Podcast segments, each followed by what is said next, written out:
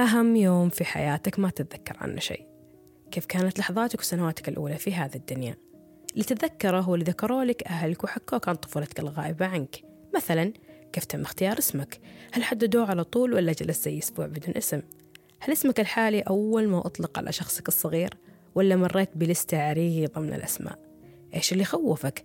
شيء أسطوري زي حمارة القايلة ولا شيء حقيقي زي الضبع في حالتي؟ هل مشيت قبل ولا بعد سنتك متى طلع أول سلك؟ إيش كانت أول كلمة تقولها؟ يحكونك عن حياة أنت موجود فيها لكنك ما تتذكر لحظة منها. اعتمادك الكلي في تذكرها على ذاكرة أهلك أو في صورة خذوها لك في سنواتك الأولى.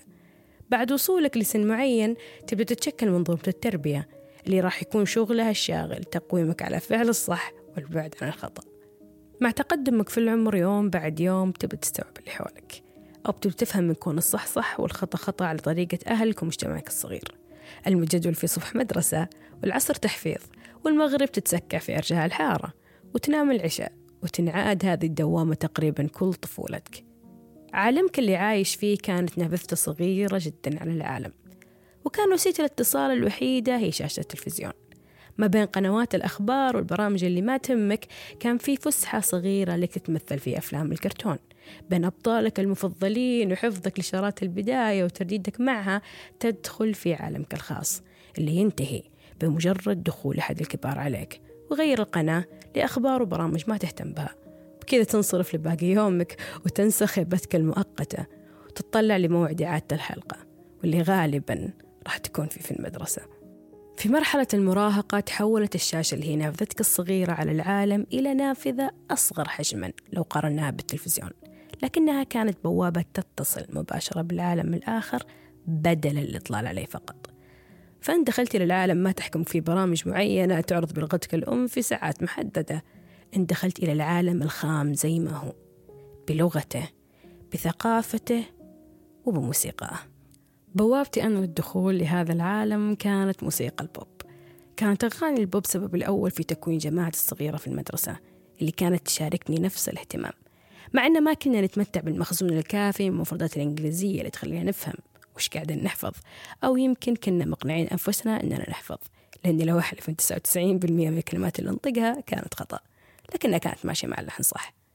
لو أبغى أشر على الأسباب اللي خلتني مفتونة بالعالم الثاني كانت الموسيقى هي السبب الأول لأنها كانت غريبة على إذني من ناحية الإيقاع السريع اللي مو موجود في الأغاني العربية. والسبب الثاني هو اللغة نفسها. كلماتها الغريبة اللي تختلف عن المفردات الإنجليزية اللي موجودة في كتب المدرسة واللي كنت أعاني في مذاكرتها.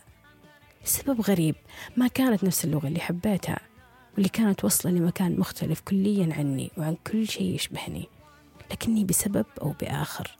هذاك الوقت كنت أحس أنتمي لذاك المكان.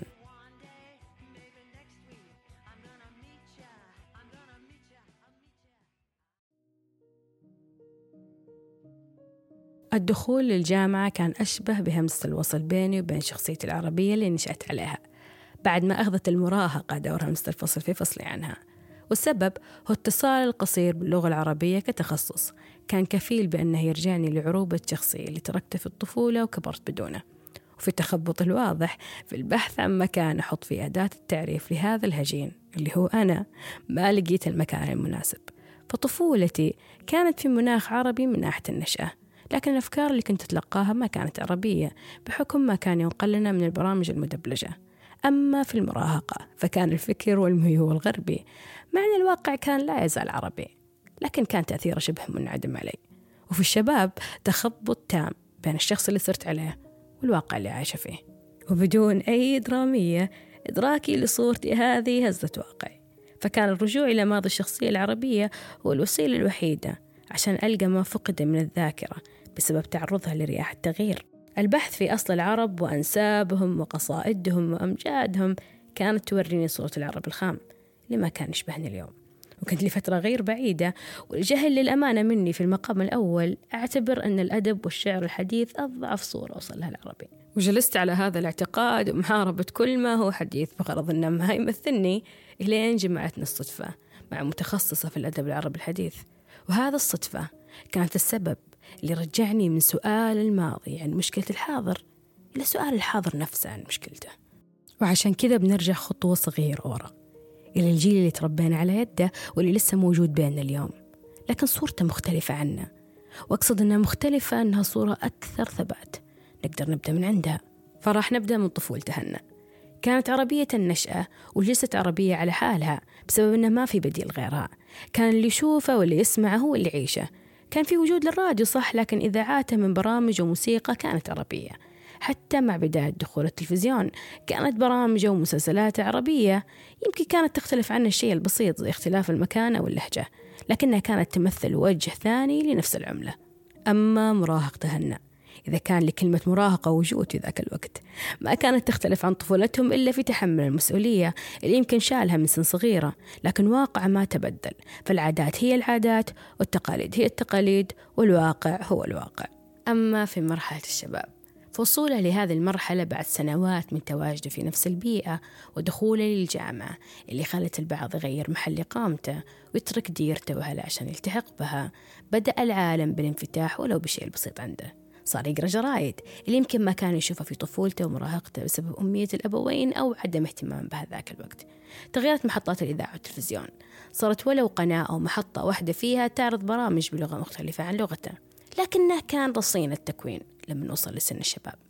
إذ أنه ما كفاه تلقي منحنى أهله وبيئته الفكري بجيده وسيئه بل هو تشرب حتى أثر في ذاته وهذا خلاه يستقبل الفكر الجديد من نظرة التعجب مو شرط القبول وغالبا غالبا يوقف وقفة المعارض للفكر الجديد بسبب واحد فقط وهو خوفه من التأثير في شخصه. فرفض هذا يقيه تغير مبادئ بنيت عليها شخصيته حتى لو كانت هذه المبادئ خاطئة. والحين نرجع لجيلي وجيلك. فطفولتنا كانت نشأتها عربية لكنها تبدلت بسرعة بسبب انفتاحنا على العالم في سن صغيرة جدا ما بعد تشربنا الهوية كاملة. لكنه كان انفتاح جزئي بحكم تحديد ما كان يعرض لنا أما في المراهقة فكان انفتاحنا كلي على العالم الخارجي أي أن الواقع اللي نعيشه مو بالضرورة الواقع اللي ينتج أفكارنا. فتأثرنا تأثر كلي أو جزئي بحسب قرب أو بعد الشخص عن العالم المقابل. والقرب والبعد هذا كان خيار شخصي في النهاية. أي أن من سن صغيرة تولدت عندنا مفارقة عن الواقع المعاش وخيار القرب والبعد منه. والعجيب أنك تشوف تدرجات في القرب والبعد فتلقى القريب جدا والمتأثر كليا وتلقى المتوسط يقبل جزء منه. والبعيد يقبله لكنه قليل التأثر به. في الحالات الثلاث ما كان الرفض الكلي موجود وهذا أدى لعقلية تتقبل المنحنيات الفكرية الجديدة بسيئها وجيدها في مرحلة تكوينها. أما في مرحلة الشباب فانقسمنا إلى ثلاثة أقسام. في القسم الأول عرف أن حاضره ما يمثل كليا ولا ماضيه يقبل بكل أفكاره فبدأ يتخبط في البحث عن ذاته. فرجع للماضي البعيد عشان يلقى أجوبة لحاضره. وفي هذه الفئة أنقل بتصرف ما قاله الدكتور زكي نجيب محمود عنهم. أصبح الكثير من شبابنا اليوم بالرغم من شبابهم ينبشون في الماضي البعيد ليجدوا فيه ركنا آمنا يعتصمون به. فالقديم عندهم أصدق رأيا وأكثر إيمانا وأشد إخلاصا. أما القسم الثاني اللي لو حاولنا ننكر وجوده إلا أنه موجود فهو قسم لا يهتم بصورة العربية ولا حتى ماضيها ولا خيوطها الرقيقة اللي قزرت في طفولته فهو يعيش حاضره بكل ما فيه حتى يمكن تلقى عند البعض أفكار غريبة تناقض منشأ العربي.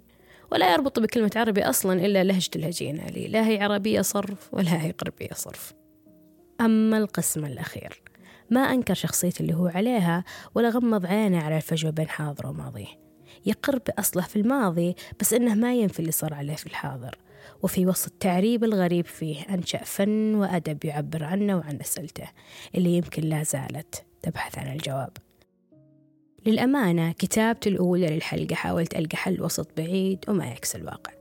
على قد ما هذه الجملة متناقضة على قد ما حسيت هذا التناقض فيني بعد ما خلصتها. لأني في النهاية حملتنا اللوم زي ما حملنا لنا أي كتاب ومقال قرأته. كل هذا رفض لصورة الهجين اللي صرت عليها. في حلقة سابقة كنت رافضة ثقافة الإنسان الجديد لكن بعد الحلقة رجعت أمارس حياتي طبيعي. الحياة اللي كانت المثال المفروض ما نكون عليه.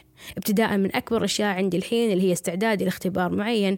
بذلت فيه كل الجهود واستخدمت فيه المصادر الغير عربية إلى أبسط أبسط الأشياء زي طلبي للقهوة اللي بعد ما أخذ الطلب وجلس على الطاولة إذا كان السكر تحدث العربية إني ما تحدثتها. بس هذا هو الواقع ولا أقدر أنفصل عنه. بس هل هذه الصورة فعلا خطأ؟ وعشان أخفف ثقل الموضوع عن العربي كل شعوب العالم تعرضت للي تعرض له لأنها اضطرت لهذا الشيء. بس هل هذا أفقدها هويتها؟ ولا خلاها تنتشر أكثر؟ هذا السؤال كمان اختلفنا عليه. فلن نقول في الكتب كلام والواقع يقول لنا كلام ثاني. لكن تخيل أنك تقدر تطلع على كل الثقافات بكل ما فيها من قصص وأساطير وفنون وتقدر تفهمها. ولا أقول لك لا تتخيل لأن هذا هو الواقع. حبك لثقافة معينة. أنتجت فن تحبه بيخليك مهتم بها أكثر ويمكن تتعلم لغتها وتزورها. بس كيف بتحبها لو ما عرفتها؟ خليني أذكرك أن ما صرنا نحتاج نزور أماكن معينة عشان نتعرف عليها. الكل مهتم في هذا العصر ينشر ثقافته للشخص الآخر حتى لو كان عمله الأصلي يتحدث لغة الأم. بتلقى ترجمة بلغة اللي كل العالم شاء أم أبى. متفق عليها. صح انقسمنا انقسامات كثيرة في تخبطنا في معرفة ذواتنا. لأن صار عندنا حرية الاختيار. فبعضنا انتمى انتماء كلي لشيء ما يشبهه بس أغلبنا ما نسى اللي كان عليه. صلتي البسيطة بطالبات كلية الفنون خلتني أشوف هذا الشيء. الكل مهتم بدمج الثقافة العربية في أعماله وتقديمها بصورة تناسب تركيبته هو أولا. وهذه الجهود جزء من كثير ناس على التواصل الاجتماعي اللي يحاولون يوصلون خلفياتهم الثقافية بنص.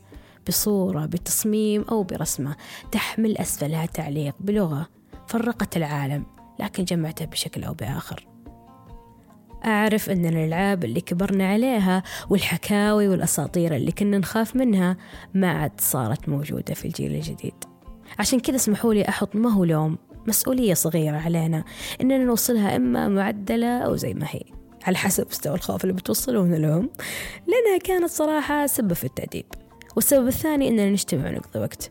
وهذه الأوقات والمخاوف اللي تميز كل شعب عن غيره هي اللي صنعت لنا ذكريات نحن نرجع لها.